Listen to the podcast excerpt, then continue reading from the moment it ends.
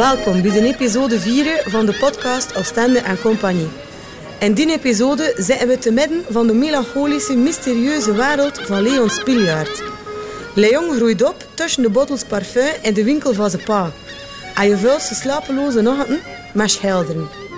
Claude Blondel vertelt dat verhaal van Leon Spiljaard.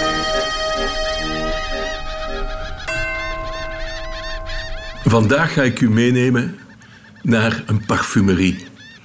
Niet meteen om eau de toilette of zo te gaan kopen. Dat kan er ook bij, maar omdat in, hier in die parfumerie Leon Spiljaard, de schilder Leon Spiljaard, geboren werd. Zijn vader was een uh, gereputeerde parfummaker, maakte parfums zelf hier in de winkel in de, in de Kapellenstraat.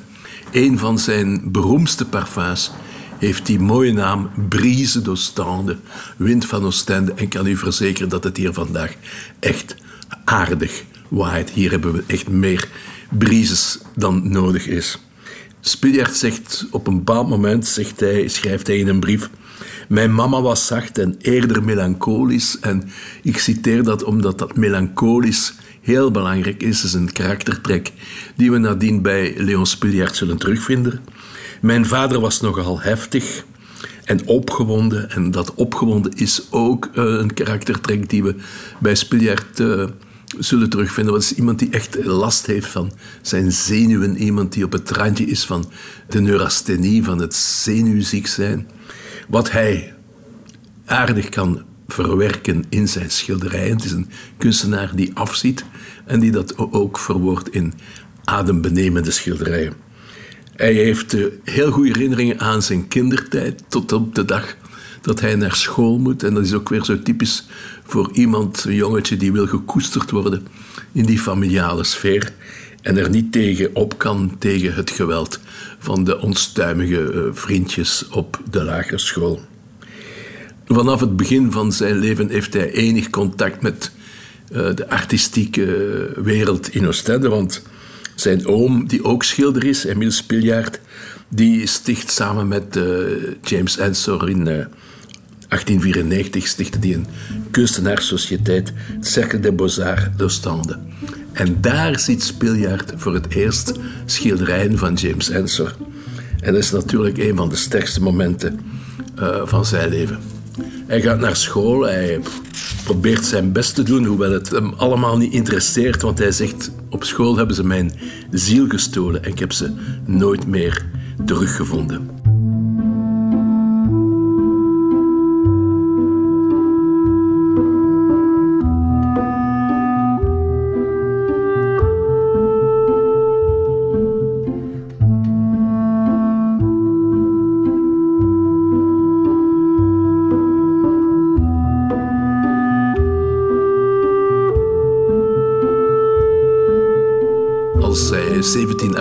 Is, hij heel geïnteresseerd in filosofie en hij leest de boeken van Schopenhauer en Nietzsche, nu twee filosofen die niet bepaald gekend zijn voor hun levenslustige levensvisie. Uh, Nietzsche, de filosoof Nietzsche, is een man die hem zal blijven achtervolgen. Hij zal hem ook regelmatig uh, schilderen, afbeelden.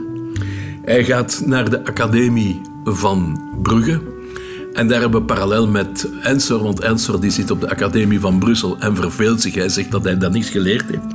En bij Spiljaard doet zich net hetzelfde voor. En moeten we dan soms niet denken dat die buitengewone kunstenaars aan een academische opleiding niets hebben, dat zij het gewoon in zich al hebben en zich niet kunnen plooien aan de regels die leraars opleggen. Maar er is iets heel belangrijk, dat is in de herfst van 1900 bezoekt hij met zijn vader de wereldtentoonstelling in Parijs. En oh wonder, zijn vader doet hem een cadeau en hij krijgt een grote pasteldoos. Zo allemaal kleurtjes, heel, heel moeilijk om mee te werken. Het is ook heel breekbaar. En het is vertrokken, het is vertrokken. Hij begint te tekenen, hij begint te schilderen. Om de broden uh, vindt hij werk bij een Brusselse uitgever, uh, meneer Edmond de Man. En daar maakt hij edities voor poëzieuitgaven van Maurice Maeterlinck, van Emile Verharen. En in 1904, houd u vast, heeft hij in Parijs al een tentoonstelling samen met niemand minder dan Pablo Picasso. Gewoon om te zeggen dat Spiljaard, ja, dat het vertrokken is voor hem. Hij woont thuis, blijft bij zijn ouders, maar het gaat niet goed met hem. Hij heeft uh, malheuren in de liefde. Maar gelukkig kan hij toch al iets verkopen. En hij verkoopt uiteraard aan Emile Verhaar, de onvermijdelijke Emile Verhaar, die altijd in dit verhaal zal terugkomen. En ook aan de uh, schrijver Stefan Schwaag, die we ook nog zullen ontmoeten. Hij kijkt op naar Ensor, maar Ensor houdt het een beetje af, want Ensor die ziet toch wel een mogelijke concurrent in hem. Hij leert iemand kennen en ze trouwen, ze, verhuizen naar Brussel. En op 15 november 1917 wordt de dochter Madeleine geboren. Madeleine die een heel uh, sterke band met haar papa heeft en die ook uh, heel veel voor hem betekent. Die, uh, ja, die eigenlijk zijn troost en toeverlaat is. Ik heb geen mijn leven gewandeld met mijn vader. Wij deden, hij ging elke dag wandelen. Dan gingen we wandelingen maken langs de boorden van de zee, s morgens vroeg. Heel vroeg stonden we op. En dat waren wandelingen van uren. En dan gingen we ook in de omstreken van Oostende te voet gaan wandelen. Mijn mooiste herinneringen als mijn jeugdherinneringen zijn de wandelingen met mijn vader. Dat was iets enigs. Ik zei het al, zijn papa is uh, een uitvinder, heeft een parfumwinkel, maar hij maakt ook zijn eigen parfums, waaronder die Brise d'Ostende. En wat er nu belangrijk is voor Leon Spiljard, is niet zozeer het parfum, maar wat die parfum omhult, namelijk al die elegante, sierlijke flesjes. Nog altijd uh, zijn parfums in heel mooi designflesjes verpakt.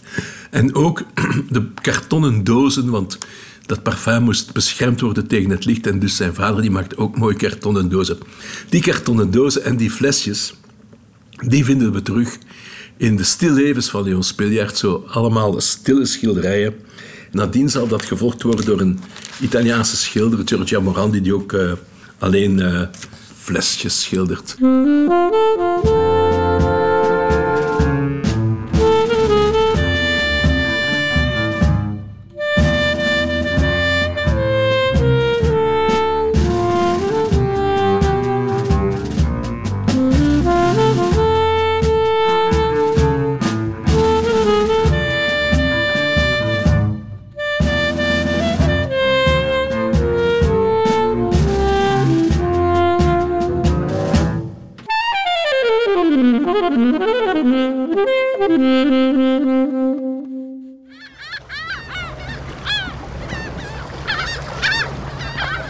En nu gaan we naar het museum. Is het goed? Naar de vleugel van Spiljaard. Claude wandelt tussen de collectie en kiest er zijn favoriete schilderijen uit. Kijk, dat is een, een, schilderij waar ik me echt verliefd op ben. Dat heet De Windstuit van uh, Leon Spiljaard. En dat is een meisje... Ja, hoe zou ze heten? Albertine of zoiets. En zij staat aan een reling naar de eindeloze verte, naar de zee te kijken en haar haren wapperen in de wind. Maar het mooiste is die windstoot. Die windstoot die haar rokje doet naar omhoog vliegen. En je ziet haar zwarte kousen en je ziet haar ondergoed.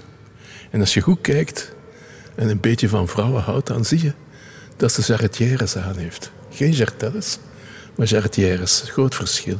Jarretel is iets erotische, een charretière. Dus dat moet een heel kuis meisje zijn. Zo'n meisje dat je zou willen ontmoeten op een avond en zeggen: Allee, juffrouw, gaan we een porto drinken in Hotel du Parc en, ja, en verder dromen. Het, is, het heeft ook iets onheilspellends. Het is mysterieus. Anders schilderij waar ik zot van ben, is gewoon hiernaast. Dat is datzelfde meisje, onze Albertine. En dat schilderij heet De Duizeling. En ze gaat een soort trap op, terug naar beneden. Naar boven, sorry. En je ziet dat haar wapperen in de wind. En ze kijkt nog even om. En als je goed kijkt, heeft dat gezichtje toch iets, iets bangelijks. Zo, uh, ja, de Eros en de Thanatos zijn er toch heel dichtbij. Dat is iets wat we bij Spiljaard altijd gaan terugvinden. Uh, Spriljert is niet zo de man die de, volle vrouw schildert zoals Ensor dat doet met zijn oestereetster. Heeft het een beetje meer voor ziekelijke meisjes.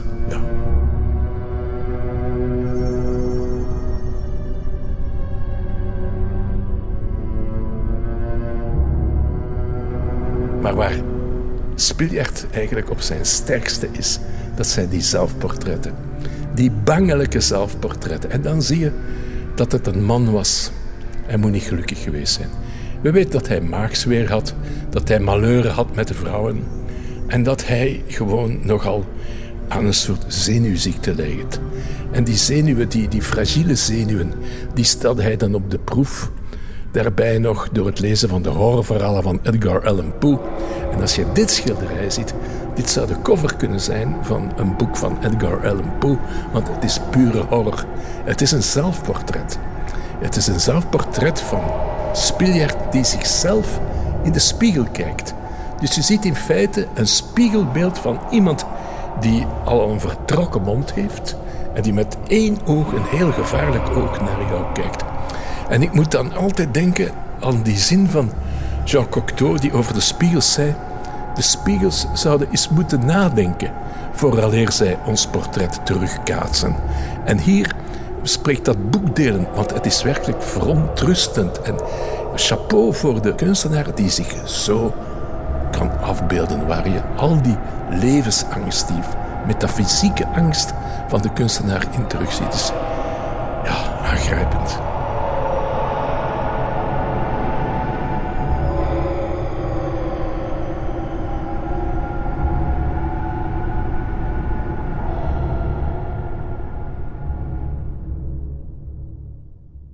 Spiljart is een heel introverte schilder.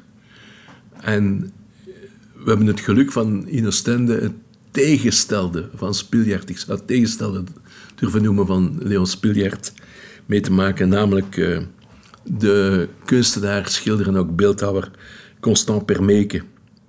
Het zijn twee totaal tegenstrijdige temperamenten. Toch ontstaat er een, uh, een zekere achting tussen beide kunstenaars. En ook James Ensor, de onvermijdelijke James Ensor, komt om de hoek kijken. Want Permeke benaderde de meester van Oostende met de nodige schroom. De nodige schroom via zijn vader Henri, de papa van Permeke, die ook schilder was en de eerste conservator was van het Stedelijk Museum van Oostende. En ook uh, de schilderijen van James Ensor restaureerde. Ensor erkent direct het grote talent van Permeke, maar eens te meer ziet hij in hem een rivaal. En Permeke weet heel goed, hij voelt heel goed aan dat er in Oostende vooral plaats is voor Hensor, voor Spiljart, en dat hij een beetje een vreemde eend in de bijt zou kunnen zijn. En in 1909 trekt hij naar Gent en nadien naar Sint Maartenslatem, waar hij echt tot volle bloei zal komen, om nadien dan toch uiteindelijk terug te keren naar Oostende. Het eerste onderricht dat Constant Permeke krijgt, dat is gewoon van zijn vader. Hij mag zijn vader helpen bij het restauratiewerk en zo krijgt hij al heel snel een grote technische vaardigheid. Hij gaat ook naar de academie, die kon niet anders in die tijd, hij gaat naar de academie van Gent, waar hij beïnvloed wordt door Emile Klaus, die man die mooie lichtschilderijen maakt. Maar de echte kick die krijgt hij pas in 1907, wanneer hij op een groepstentoonstelling het werk van Vincent van Gogh voor het eerst ziet. Hij verlaat het ouderlijk huis en heeft een atelier in Oostende, gek genoeg een voormalig atelier van Leon Spiljart. Hij is zot van de zee, wat doe je anders in Oostende? Hij schildert de zee, hij schildert de vissers. Die vissers die doordrongen zijn van het uh, menselijk, uh, menselijk leed, dat harde leven dat ze hebben. Iets wat wij uh, later, later, veel later zullen terugvinden in die magnifieke foto's die Stefan van Vleter gemaakt heeft. Die visserskoppen, die pure permeken zijn in feite. En hij schildert al met hele zware penseeltrekken, geen verfijnd werk, geen details, zoals bij Spiljart, maar bij hem ja, eerder het brute geweld. Je zou bijna durven zeggen dat hij een soort uh, Wilde avant la lettre is. En hier en daar wordt dat zwart en bruin doorbroken door een vurig rood en een levendig blauw. Het zijn details, maar het staat er echt en het is ook nodig om die monotonie te doorbreken. Hij is echt gepakt door de zee. Helemaal. En hij zal dat weergeven in een van zijn mooiste schilderijen, namelijk De Golf. En hij, kent succes. Het, is, hij heeft mensen die zijn schilderijen kopen. En hij heeft veel tentoonstellingen, waaronder de 14e Biennale van Venetië in 1923. Maar al dat succes weegt niet op tegen het verdriet dat hij heeft uh, bij de, het overlijden van zijn mama en een beetje later door uh, de dood van zijn zoontje. Nu, de, de schilder is, is kapot, hij heeft rust nodig. En hij koopt een boot die hij de Zeemee noemde. En daarmee gaat hij varen langs de kanalen van Vlaanderen en Nederland.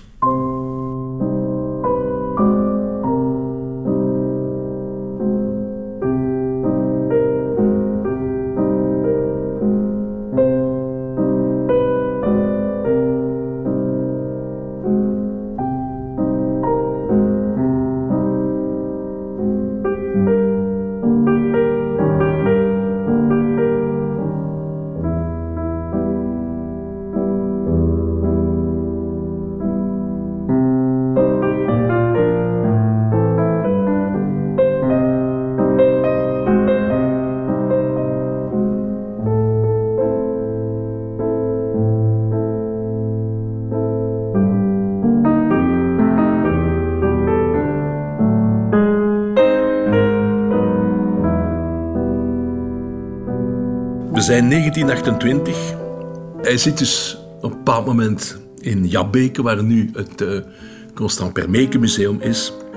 En datzelfde jaar, 1928, wordt er een Permeke-retrospectief georganiseerd in het Brusselse Paleis voor Schone Kunsten. Met niet minder dan 600 doeken. En in november 2012 opent in datzelfde paleis, wat inmiddels Bozar heet, een prachtige expo waarin Permeke het gezelschap krijgt van de naakten van Marlène Dumas en de landschapsschilderijen van Thierry Ducordier. Ik was erbij, het was een ongelooflijk trio. Permeke die wij bijna een... Uh, ja, dat is iemand die we te veel op de humaniora geleerd hebben. En dat je dan geneigd bent van te vergeten, omdat je hem niet experimenteel genoeg vindt. Wel, door die tentoonstelling in Bozar door Permeke te plaatsen naast twee uitgesproken hedendaagse kunstenaars, zag je gewoon hoe sterk die man was, hoe avant-gardistisch hij schilderde en hoezeer hij op zijn tijd vooruit was. Het noodlot blijft constant achtervolgen en op 28 november 1929 sterft Marieke, zijn pasgeboren derde dochtertje. Maar hij werkt verder, hij werkt verder en inmiddels, hoe de historie in Oostende altijd zich herhaalt, Inmiddels sticht hij met Stork, Spiljart, Ensor en Labis die beroemde Oostense filmclub en ze vinden elkaar terug in de cinema.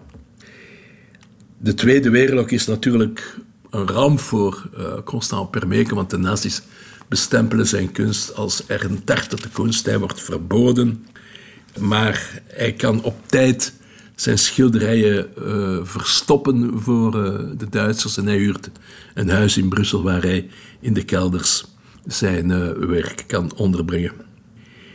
En nogmaals, het noodlot, zijn vrouw Marietje sterft.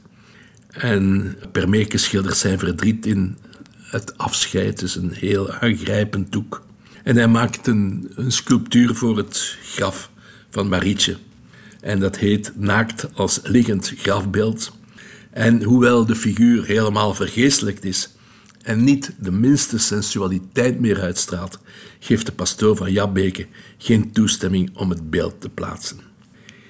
Het leven zonder zijn Marieken is bijzonder, bijzonder hard voor de kunstenaar. En zijn schilderijen worden alsmaar zwarter, tot op het moment dat ineens het felle wit het white light, white heat van de dood opduikt. En die laatste schilderijen van Permeke die baden in een angstaanjagend wit, het wit van de nakende dood.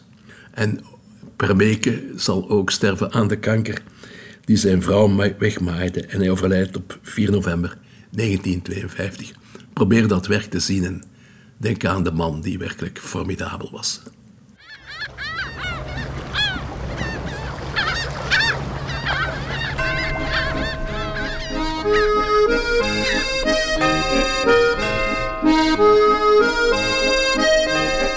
Is like de zij. Het heft aan het paktebedje. Sterke verhaal en wonderlijke schilders. Spiljaard en Permeke. In de volgende episode van de podcast zitten we in de compagnie van de filmmakers. Arie Stork en Raoul Servet.